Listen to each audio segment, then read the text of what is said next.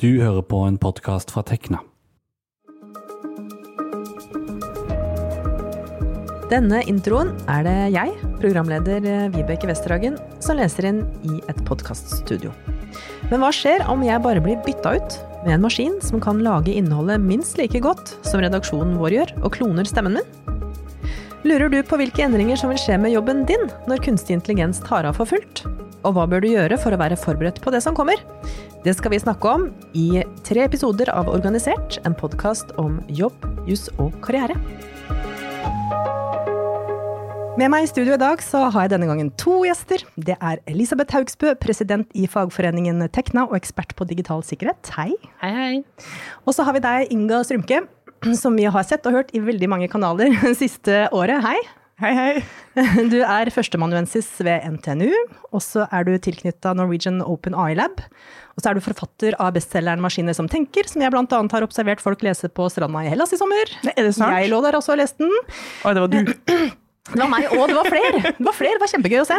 Um, og ikke minst så er du Tekna-medlem, og det syns vi er veldig hyggelig. Ja. Um, velkommen. Tusen takk. Um, ja, du er Tekna-medlem. Ja. Uh, Jeg husker det øyeblikket jeg ble medlem i Tekna, faktisk. ja. Ja. Var du student, eller? Eh, Jeg var student, og på videregående vet ikke, brukte dere de kalkulatorene som man kan plotte på, de der store beistene? Ja, eh, nei, Ja. ikke Eh, jeg. Du, du, du, brukte den? Ja. Det viste seg det var ikke lov å bruke den på eksamen i analyse 1 på NTNU. Nei. Så jeg trengte en sånn dummere kalkulator jeg måtte nedgradere. Den kosta sånn her over 100 kroner. Og så kunne man få den i innmeldingsgave i Tekna. Ja, ja, ja, ja, ja, ja, ja. Solgt. Og siden har jeg vært medlem. ja. Det er veldig bra. Vi har veldig bra verve, vervepremier. Ja, og det, liksom verving, altså hooken er det viktige. Man melder seg jo ikke ut av Tekna når man liksom skjønner hva det er for noe. Men det er jo bare å få dem inn, ung. Ja, vi prøver på det. Du, um, vi må nesten starte litt på scratch, selv om du har snakka om dette veldig mange ganger da. Um, hva er egentlig KI, og hva er det ikke? Er det mulig å liksom si det litt sånn kort? Ja, jeg vil si at kunstig intelligens er, er to ting, har, har det blitt. Eh, det har alltid vært et forskningsfelt, grunnlagt en sommer i 1956. Og det er ikke mange forskningsfelt som har en så veldefinert eh, start. Så det er litt artig. Um, og det som er artig, er at navnet kunstig intelligens, artificial intelligence, uh, kom de som grunnla for uh, fagfeltet primært på for å skille det fra kybernetikk. Og ingen av dem likte egentlig artificial intelligence, men de trengte nå engang et navn, sa de. Så det det syns jeg er morsomt. Altså, Nå har jo kunstig intelligens også blitt litt sånn en samlebetegnelse på en drøss metoder vi kan bruke for å få maskiner til å løse problemer som vi tenker krever intelligens for å løse. Og eh, det her maskinlæring, som er veldig kult nå for tida, er bare en av mange metoder innenfor kunstig intelligens. Ja, og det er ikke bare ChatGPT, liksom? Nei. Nei. ChatGPT er et av mange produkter man kan lage Ja. ved bruk av maskinlæring og noe attåt. Um, og kunstig intelligens er ikke, uh, vil jeg si, et tellbart eh, substantiv. Jeg blir litt sint når folk sier at det her er en AI. Ja. Altså, det blir litt som å si at det, det her er en biologi. Ja. Altså, det, ja da, riktig fagfelt, men det høres jo ikke ut som du vet hva du snakker om. Um, så kanskje bruk det sånn for all del, men jeg anbefaler å la være. Ja, ikke sant. Men dette er jo da en pod som handler om arbeidsliv. Um, og det er det vi skal snakke om her nå. Uh, og det store spørsmålet som jo alle er litt sånn nervøse for, er jo liksom hva ligger litt sånn i framtida. Og du, jeg vet at du ikke er så fryktelig glad i å liksom se litt sånn i krystallkula, men vi må nok dit litt likevel. Altså, hvor stor grunn har vi for å være liksom bekymra for at jobbene våre blir sånn radikalt endra uh, på kort tid? Uh, eller blir borte liksom på kort tid? Jeg vet ikke om du, Inga, har noen tanker om det? Du har jo snakka om det litt før, vet jeg. Om, eh, Ja. jeg liksom varsla litt om at eh, det har vært revolusjoner før, på en måte. Industrielle revolusjoner som har, som har satt preg på noen generasjoner, da. Ja, og det er jo mange som mener at vi er inne i den fjerde industrielle revolusjonen. Og man kaller ikke ting revolusjon hvis det ikke er brå endringer som skjer på kort tid. Så jeg mener nok at kunstig intelligent teknologi kommer til å føre med seg noen, noen store endringer da, som vi kommer til å merke i samfunnet og yrkeslivet. Og det jeg tenker at vi ser i denne omgangen, er at utviklinga skjer annerledes enn vi hadde forventa. Kanskje litt raskere enn vi forventa, men primært annerledes. For altså, Siden 50-tallet har vi prøvd å lage roboter som gjør skitjobbene våre, og vi har plagdes med det. Selvkjørende biler har alltid vært fem år frem i tid, liksom. Vi sliter med å få maskiner til å utføre oppgaver som vi forventer skal være enkle, og som krever lite opplæring av et menneske. Men oppgaver som vi ser på som vanskelig, som krever mye opplæring, se forskjell på svulster, altså se, hvilken, hvilken svulst som er ondarta, eh, skrive et godt språk, lage bilder osv. Det har vist seg at det plutselig, når forskningsgjennombruddene gjøres, er såre enkelt å få maskiner til å gjøre. så jeg lurer på om når vi ser i krystallkula, om vi for å være litt dystopisk, eh, ser en fremtid der maskiner skriver dikt og lager kunst eh, og lager musikk, og vi går rundt og liksom plukker søppel, for det er vanskelig å få roboter til å plukke søppel. Ikke sant? Så de sitter med de spennende oppgavene. Ja, de, de oppgavene som vi mennesker har lyst på. synes er spennende og egentlig har lyst på. Elisabeth, har du noen tanker der? Jeg syns det ble litt sånn mørkt og trassig, men eh, For jeg, jeg kjenner at jeg er jo ikke helt, eh, jeg er ikke helt enig i det. Og så tenker jeg jo at det, er ikke det litt sånn passivt å bare sånn sitte og vente på at noe skal skje? For jeg tenker vi er jo en del av det å forme hvordan vi tar i bruk teknologien. Eh, og og det, er jo, det er jo ikke teknologien som bestemmer hvordan Ja, ok, jeg kan fullføre setninga, så kan jeg motsi meg sjøl etterpå. Men, uh, altså, men det er jo strengt tatt ikke teknologien som skal diktere oss hvordan vi skal bruke den. Du må jo bruke teknologien der uh, den kan gjøre mest nytte for seg. Og så tenker jo jeg at kanskje det er fryktelig naivt, men jeg ser jo på det som et fantastisk verktøy som bare venter på å bli brukt, men så må en jo finne de gode bruksområder. Og så tar jo du opp eh, det med å eh, også se knøttsmå endringer på bildet, der det menneskelige øyet ikke greier å se forskjell. Hvor magisk er ikke det at vi da får ei maskin Det kan ikke være så forbanna spennende å sitte og glo på disse bildene. Det, det, det, det, kan vi, det kan vi løse med maskinen uten at det, liksom, vi går glipp av eh, følelsen av å eh, bidra inn i samfunnet og gjøre noe bra. Men eh, ja, jeg vet ikke helt. Jeg plukker søppel. Jeg kan plukke søppel, jeg, altså, men eh, jeg tenker at eh, jeg tror det ordner seg, jeg. tror vi får det til. Men, men vi kan ikke være Vi kan ikke ha en passiv holdning, holdning til det. Vi må liksom ta styring og finne ut hva skal vi bruke det til, og hvordan skal vi gjøre det på en god måte.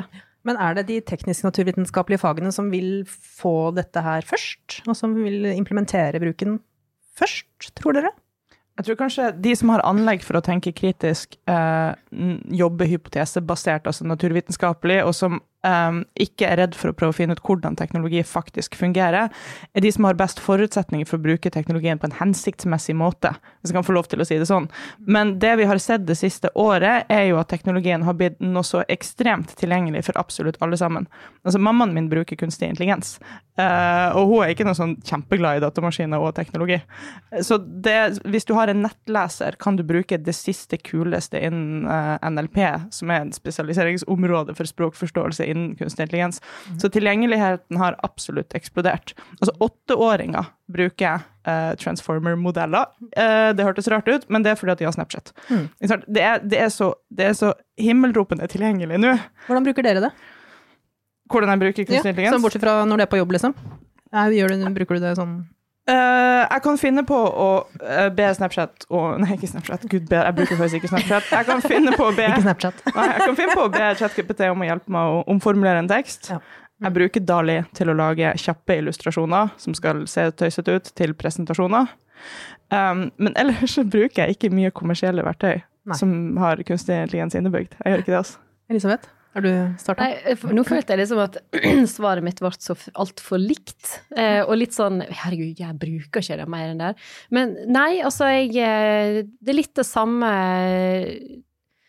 Ja Og så problemet mitt òg er at jeg liker jo helst å skrive på nynorsk. Jeg vet ikke om noen har prøvd å teste ChatGPT Jeg på nynorsk. Den kan ikke forskjell på bokmål og nynorsk. Det er ikke to forskjellige språk Det det. for ChatGPT. Det blir, det blir bare saus. Så jeg er bare sånn Nei. Det Og så syns jeg ordforrådet er for dårlig. Uh, så, så, men ja, jeg har brukt den til sånn, sånn småtteri og, og litt sånn leik. Uh, og så uh, Jo da, og så har jeg Jeg har jo brukt den til å prøve å Bare for å se liksom, hvor lett er det å få ChatGPT til å skrive gode funksjoner for meg. Ja. Hovedsakelig jeg har prøvd det litt sånn i Python og sånt, ikke, ikke så mye på de andre språkene, for jeg har ikke hatt noe ja, som jeg hadde lyst til å kikke på. Eh, men eh, jeg jobber jo innenfor, eh, innenfor IT-sikkerhet, og litt oppi sånn på strategisk nivå, så jeg sitter fort litt på andre sida av bordet av verktøyene. For det er sånn, hvordan kan jeg hjelpe organisasjonen å ta i bruk dette her? For det, det er sånn som, Jeg syns du sier det så utrolig bra, egentlig, at det er de som har en naturvitenskapelig bakgrunn, som jobber hypotesebasert, som er risiko um, ikke, ikke styrt, men du er i hvert fall klar over at det kan være lurt å tenke litt på litt fram i tid når du begynner å ta i bruk ting. Hva vil det ha å si for, for arbeidsplassen hvis jeg tar det i bruk? Eh, er det noen andre uforutsette ting som kan skje, altså eksempel sikkerhet, da, det kommer tilbake igjen til det. Ehm, det. Altså hva er det som kan komme på avveie, hvem, det, hvem har kontroll på det som jeg putter inn her? Eh, burde jeg, hvor kritisk skal jeg være til svaret? Eh, hvis svaret skal brukes inn, i, altså inn igjen i selskapet i en eh, strategisk beslutning, et eller annet vedtak, altså hva vil det ha å si hvis det er um, uheldig formulert fordi at en ikke har tenkt så mye på Altså, det, det er liksom Jeg tenker vi må iallfall sørge for at vi ikke ender opp en plass der det er en, en, en bias i en algoritme som fikk en Fikk noe til å endre seg uh, uforutsett uh, eller ikke gjennomtenkt på en beslutning som skal gjøres lenger ned i veien. Uh, så ja, det Interessant. Det er interessant det du sier om, om, om, bare bevissthet rundt at det du skriver inn i det der flotte brukergrensesnittet som ChatGPT har, faktisk ender opp en plass. Ja. Altså det, er mange, det, det, er jo mange som tror at hvis man skriver et eller annet på PC-en sin, så, så, så, trykker man slett eller lukker nettleseren, så er teksten borte. For sånn er det i den fysiske verden. Altså Hvis jeg ødelegger noe, så er det borte. Men alle som har jobba litt med altså, datainnsamling, eh, programmering, skjønner at hvis du skriver inn noe og det sendes på internett, da, eh, da, forsvinner det ikke. Det er det ene det ikke gjør. Det kan hende at det formerer seg. si. Og um, det er jo faktisk sånn at hvis du skriver en forretningshemmelighet inn i ChatGPT, så har OpenAI forretningshemmeligheten din. Det her, er, det her er ikke et verktøy vi bruker Altså, vi, vi har utvikla, eier, rår over, er premissleverandør for i det hele tatt. Um, og Derfor syns jeg hele denne diskusjonen rundt hvordan skal vi bruke ChatGPT i jobben, hvordan skal vi tilpasse arbeidshverdagen og samfunnet til ChatGPT, den er, for meg er det et sånn ekstremt stort element av absurditet der. Fordi at det her er et verktøy vi har fått tilgang til å bruke gratis sannsynligvis midlertidig, av et gigantisk teknologiselskap. Som Facebook, liksom. Ja, som bruker enorme summer på å lobby lobbyere imot de reguleringene vi har lyst til å mm. innføre. Mm. Så er vi er ikke på samme lag. så hvordan skal vi innrette samfunnet etter et produkt som de har lagt ut på internett? Mm. Det, er jo, det, er jo, gigantisk eh, rart, mm. egentlig, å ha den diskusjonen. Vi skal høre vi om eh, en bedrift som bruker chat GPT um, og kunstig intelligens i den daglige driften. Det er Otovo. De jobber med solceller, og ett år etter at de begynte å ta det i bruk, har de ikke tenkt å snu. Snarere tvert imot. La oss høre. Og ikke, Det har ikke noe for seg å si at dette skal løses med kunstig intelligens. Men det handler mer om at, at vi begynner å prøve ut og liksom jobbe med å forstå når er det det passer kjempebra. Så jeg er uh, Simen Fure Jørgensen. Jeg jobber som Chief Product Officer og er uh, co-founder her i, i Otovo. Selv om solcellefirmaet startet opp i 2016, var det først for et år siden de begynte med kunstig intelligens. Det endte da med tre ulike løsninger som de drar mye nytte av i dag. La oss si at uh, vi har en, en prosjektleder, som vi kaller det, som sitter i Madrid. Som har, ser at en montør i uh, Polen f.eks. For er forsinket med en leveranse.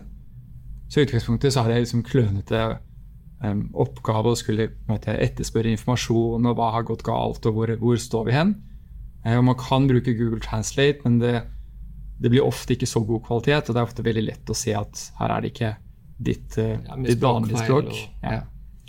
uh, men vi har sett at når vi bruker ChatGPT, så, så funker dette bra. Så da kan um, den prosjektlederen, enten på spansk eller engelsk, be om å få skrevet en melding til installatøren som sier f.eks. etterspør status får det på polsk, og kan sende det på polsk til den polske installatøren, eh, og dermed måtte kommunisere på, på hvor som helst. Da. Er det på en måte implementert i noe internt? Direkte inn i den interne løsningen.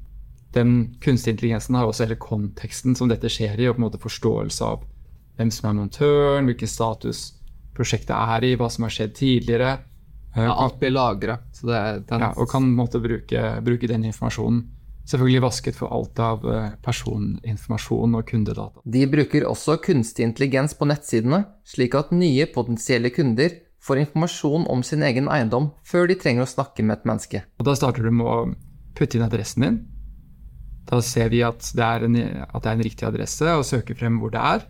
Og da får vi ut data om ditt hus på din eiendom. Og da kan vi ha alle de ulike takflatene som er på huset ditt. Vet vi da på en måte i tre dimensjoner hvordan det ser ut. Um, Hvor stort areal det er, og, Stort areal, hvor sola treffer. på hvilken vinkel det har, um, i, og, og, hvilken eh, himmelretning um, det, det, heller i. Sant? Så vi, Da regner vi alle takflatene og finner det beste uh, for deg. Så ser vi også hvor mange paneler vi får plass til. Um, og med en gang vi har gjort det, og nå alt kunden har gitt fra seg er adressen, så arrangerer vi denne auksjonen mellom våre montører for første gang. Og så nummer tre? Og det er en utfordring alltid å få som forståelse hva kunder sliter med, og hva er vanskelig. Så da har vi ikke det som ikke er helt uvanlig, at vi har en tilbakemeldingsboks um, som vi lager på sidene, for liksom prøve å få tilbakemeldingen der og da. Hva er man måte, frustrert med? Um, og i 13 land og, og, med mange kunder så får vi jo mange tilbakemeldinger. Um, da bruker vi ChatGPT til å oppsummere um, og gi konkrete forslag til produktforbedringer basert på alle de tilbakemeldingene. Sånn at de kan rydde og sortere og, og på en måte spyttes ut. Ja, det er sånn De gjentar seg ofte, og så vet dere at det her må vi fikse. Ja. Da kan man vekte det. Mm. Tror du at dere blir færre og færre? Jo mer effektive dere blir, jo mer tid dere sparer. Vi tror ikke nødvendigvis at vi blir færre og færre, men selskapet vårt vokser jo um, hele tiden. Så kanskje behovet for å måtte ansette nye kolleger går noe ned, da. Mm. Det var Otovo, det. Og dette innslaget var ved reporter Sondre Tallaksrud. Inga Strømke og Elisabeth Haugsbø.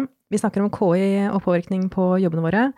Um, ja, det var ChatGPT og Facebook og sånn. Det er jo liksom uh, Ja, det er kommersielle aktører. Men um, jeg har fått et spørsmål fra en lytter som uh, lurer på nettopp hvordan han skal bruke det på jobben. Da. Fordi at han har funnet seg et verktøy som gjør at han slipper å gjøre masse kjedelig rutinearbeid, og lurer på om han da bare kan slutte å gjøre tingene sine, selv legge beina på bordet og ta fri, og bare ikke si fra til sjefen, f.eks. Um, og da er jo spørsmålet er, er liksom verktøyene egentlig modne for at vi skal bruke det i praksis på jobb? Altså hvordan skal man begynne å bruke det? Um, kan bare medarbeidere surfe rundt og se hva de finner, og så begynne å bruke det? Hva tenker dere om det? Altså, det han gjør, det er at han oppgraderer det her fra verktøy til aktør. Altså, og hvis, da, da, mener du at uh, han gir fra seg beslutningsmyndigheter på en måte, til dette verktøyet, eller? Ja. ja. Så det som fordamper her, er jo da etterretteligheten og en eventuell erstatningsplikt. Fordi at det ikke er lenger han som er avsender av produktet, og det er ikke lenger han som har gjort trinnene som fører frem til hva enn han leverer fra seg. Mm. Så svaret er nei? Altså, fra Inga. Ja. Gjør med denne infoen hva du vil. Mm. Jeg synes Det er spennende spørsmål, det, det må jeg ærlig si. Eh, og så har jo ikke sånn som, jeg, jeg vet jo ikke hva han holder på med, eller den, eh, det spørsmålet hvem han driver med og sånt. Nei. Men eh, jeg tenker spørsmålet er likevel ganske relevant, eh, fordi ja, så kan det jo, ok, Hvis en ser bare veldig sånn firkanta på eh, at du er bare en leveranse, eller en, en sånn eh, sak som sitter og leverer ting på jobb, og så håper jeg ikke at det er sånne arbeidsplasser vi skal jobbe, være, jobbe i framover, men si at han, er, han, eller hun er det, da. Eh, så, så vil, vil, jo effektivitet gjøre at han eller hun da eh, får gjort oppgavene sine på fortere, kortere tid. Eh, da er jo det egentlig et ledelsesspørsmål. Hvis du har en veldig effektiv ansatt, skal den ansatte da få eh, straff for å være effektiv?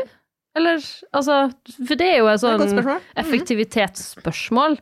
Eh, og hvis jeg snur litt på det, og så håper jeg at eh, personen eh, har en jobb, eller får en jobb der personen eh, ønsker å bidra inn i verden med en verdi, altså kvalitet, eh, altså en, en mening, eh, da ville jo egentlig ikke det spørsmålet utsonne seg på den måten der, da, for da er jo spørsmålet ok, hvis en greier å løse de kjedelige, repetitive oppgavene som ikke gir deg livsgnist, på en kjappere måte, hvilke andre oppgaver kan en da bidra inn med? Eh, det tenker jeg er litt mer sånn artig måte å stille spørsmål på. Eh, og da har jeg jo ikke svart på det som Inga svarte på, så var det OK, eh, hva slags liability snakker vi om her? Og så er det, er det, er det en kundebehandler på Nav som syns det er kjedelig å svare alle disse folka som lurer på viktige ting? Eller er det, eller er det liksom å skrive referat fra ulike ting som ikke er så spennende? Det, det er jo vidt forskjell på både input og output i de diskusjonene der, da. Inga. Altså, det her er jo så klart en mangefasettert eh, diskusjon. Vi kunne ha sagt noe sånt som at hvis jobben din bare er å legge sammen tall, så er vi alle komfortable med at du bruker kalkulator, så greit, bruk kalkulator og, eh, og automatisere det i så stor grad som du bare vil. Um, Samtidig så er, det ikke så enkelt heller, for at vi kunne helautomatisert f.eks. revisjon. Revisjon handler i bunn og grunn om å summere og subtrahere tall, og så sammenligne to tall og se om de er like. Det kunne vi absolutt ha automatisert, men vi gjør det ikke av flere grunner. Og én er at eh, stakesene her er, er så høye. Det, det er, en, det er erstatningsplikt og tunge juridiske spørsmål involvert. Så det at mennesker eier ansvaret for mm. en jobb som har blitt gjort. Mm. Det kommer vi ikke unna. Og det er et veldig sentralt element i hele denne automatiseringsdiskusjonen. Så hvorvidt noe kan og bør automatiseres, er ikke bare avhengig av om du kan skrive koden som, som får det til å skje automatisk. Mm. Ja. For det er jo mange av oss som liker å kaste oss over liksom alt som er nytt og morsomt, liksom. Um, men uh, rutineoppgaver er jo én ting, men kan man bruke det på kreative ting? Kreative oppgaver? Ja, jeg dykka litt ned i det her spørsmålet om hva kreativitet er for noe. Nå som vi har jo faktisk godtatt eh, generativ AI som kreative produsenter. Implisitt, ikke eksplisitt. Vi gjorde det senest da en eh, AI et AI-generert bilde gikk av med seieren på en kunstkonkurranse i, uh, på Colorado hva det Fine Arts State Fair et eller annet i fjor sommer. Bilde, ja. Vakkert, nydelig ja. bilde, og ingen lukta en eneste ugle i den mosen. Eh, dommerne ante ikke at eh, det var en generativ bildemodell som sto bak bildet, og kåra det til eh, vakker, nydelig, kreativ kunst. Um, og det som er opphavet til kreativitet i maskinlæringsmodeller, det er dypest sett, hvis du ser på hvordan det fungerer, tilfeldighet. Det er det at de starter med tilfeldig støy, og så jobbe seg frem til et eller annet datapunkt som ser realistisk ut for oss. Så kreativitet i maskinlæringsverden er støy. Det er tilfeldighet. Så er spørsmålet da, er det, er det litt for uromantisk mm. eh, for, for, at vi skal klare å omfavne det? Um, eller, kan, eller, godtar vi det som kreativitet? Kanskje kreativitet faktisk bare er tilfeldighet og støy i min, i det kan min være de mennesker òg. Ja. Det kan mm. godt hende. Eller kan vi bruke det her som kreativt verktøy, altså for å stimulere menneskelig kreativitet? Og så mm. verner vi litt om det her og sier at kun menneskelig kreativitet er ekte kreativitet. Mm. Er fordi man ser jo eksempler på f.eks. Um, litterære eh, agenter som har uh, altså forbudt KI i sine kontrakter, at det er bare mennesker som kan oversette bøkene deres, f.eks. For fordi at det, er, eh, det skal på en måte være et menneskelig perspektiv på det, da. Jeg vet ikke. Men kan man ja, Som totalforbud, tenker jeg, da ja. står man virkelig på sitt eget slips. Altså, det, det, det, kommer, det, kommer, til å bli ukomfortabelt før eller siden. Ja. Men du vil at eh, selv om det er noen, en AI-modell som oversetter, så bør det være noen som eier oppdraget, på en måte. Det er ikke maskinen som eier det. Jeg fikk tilbud fra et tysk forlag som ville kjøpe boka, og jeg bare yes, endelig! Og så de bare, men en betingelse, Jeg hadde tre betingelser, og en av betingelsene var men boka blir eh, AI oversatt. Og da sa jeg dere har ikke lest boka mi, har dere vel? det går ikke. det er fremdeles en menneskelig oversetter som er nødt til å ha hele konteksten over seg, og mm. eie oversettelsen, og gå god for den. Ikke sant. Så det, den det oppgaven kan ikke, ja, den kan ikke erstattes, men gud bedre den kan fasiliteres. Mm. Så det å totalforby AI i, i, oversettelse, det tenker jeg at det, altså, det, er bare et spørsmål om tid før de ombestemmer seg, for å være litt arrogant. Ja. Ja, mm. enig. Det, for det blir jo litt det samme som å si at uh, du får ikke noe støtteverktøy whatsoever. Jeg syns det blir litt sånn totalforbud er jo eh, Kan du huske en gang totalforbud egentlig betyr at det ikke ikke eksisterer. Uh, jeg er ikke helt sikker på om det Nå kan det selvfølgelig være et eller annet, mm. men uh, totalforbud er sjeldent veien å gå. Mm. Uh, altså men, Særlig med teknologisk ja. innovasjon. Mm. Det, vi kan ikke late som det her ikke eksisterer. Altså, det, det, betyr ikke at teknologisk utvikling er en naturkraft og alle må med, eller så står det igjen alene der bak. Men um, ja, den, Mm. den er så firkanta at jeg tenker at da får de ikke utnytta det positive mulighetsrommet Mm. heller. Men det, det jeg lukter litt her, er, det er jo at det er liksom mistillit. Eller man stoler ikke helt på disse verktøyene. Man skjønner det kanskje ikke helt Men heller enda. skal jo ikke stole blindt på verktøy. Nei. Det er jo det som er hele greia.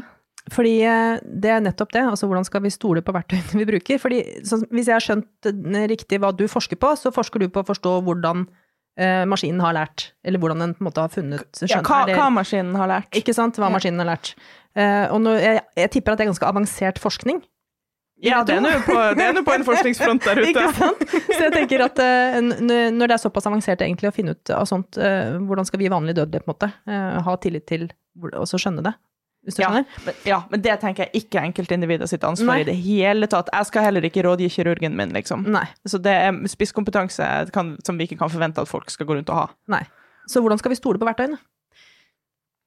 Ja, jeg begynte, avbrøt deg jo så utrolig uhøflig her i stad. Bare beklager det, men jeg blir liksom Ja, men, ja, men du skal ikke stole blindt på det, er jo hele problemet! men, men altså, det handler jo ikke om å stole på verktøy. Og vi skal, altså, jeg tenker Det handler liksom om å stole på folk, og stole på kompetanse og, og, og tillit og samhold og alt det der. Og så må en bruke verktøy for det de er. De er verktøy. Eh, og så må en hele tida tenke at ok, det var interessant, det var, men er det sant? Er det, kan jeg bruke det output-svaret, hva det er for noe, til det som jeg lurte på? Eh, og så og så har jo, jeg vet ikke om det, det her er jo din kommentar, Inga, men du kan ikke bruke, altså, du kan ikke bruke for eksempel da ChatGPT som en informasjonsbank, for det er ikke det det er laget for.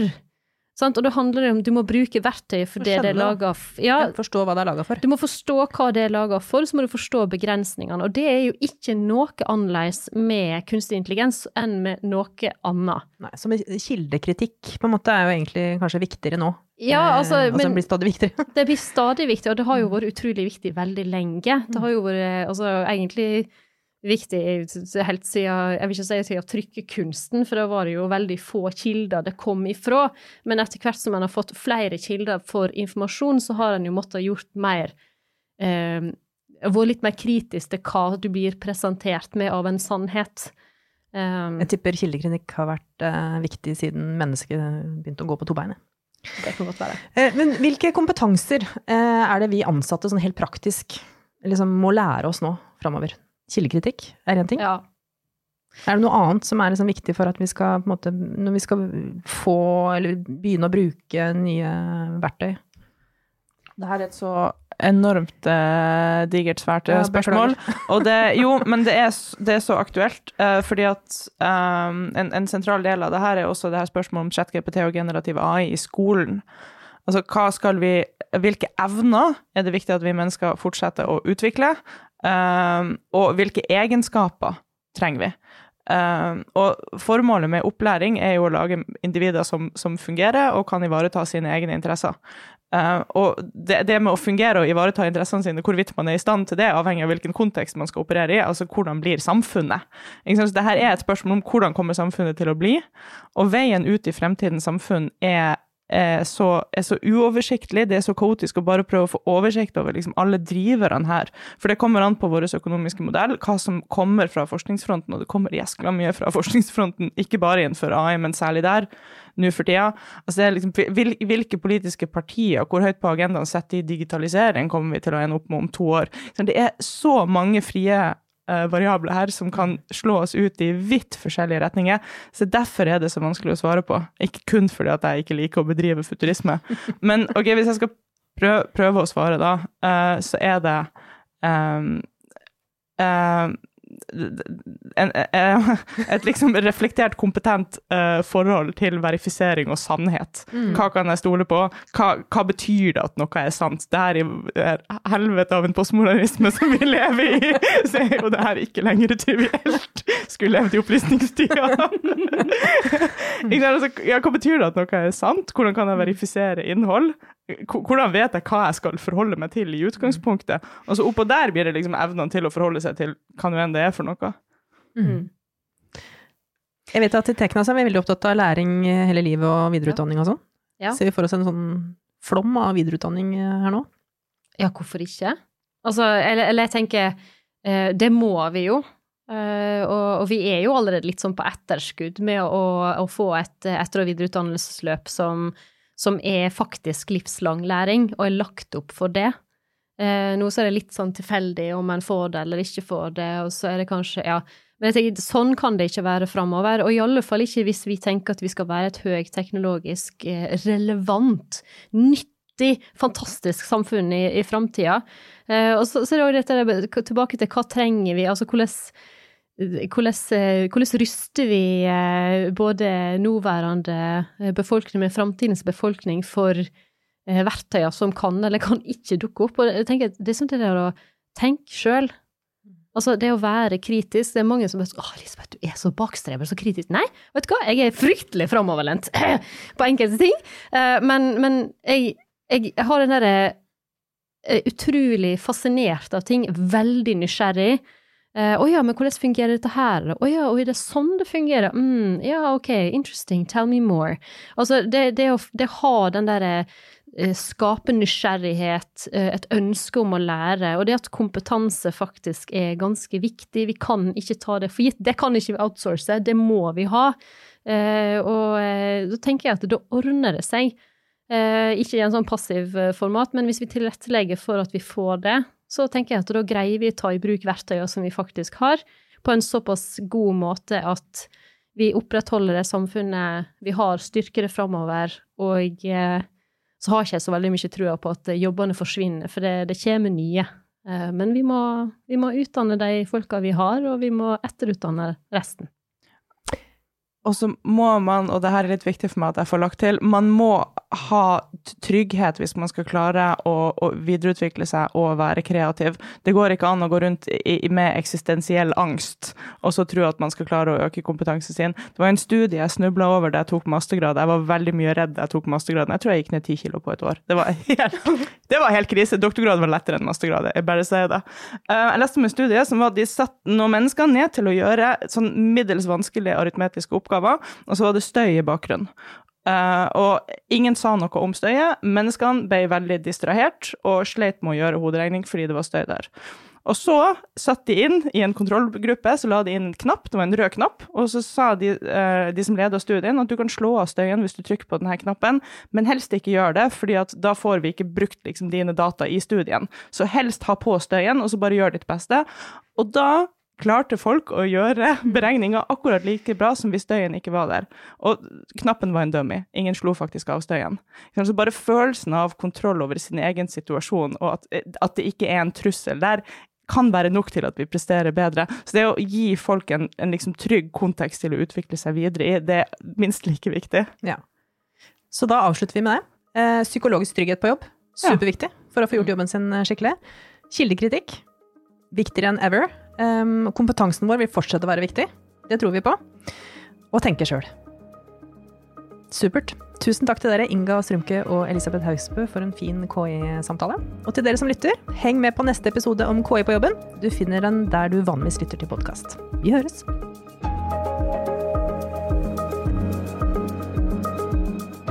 Dette har vært en podkast fra Tekna, en fagforening for deg med mastergrad i naturvitenskap, realfag eller teknologi.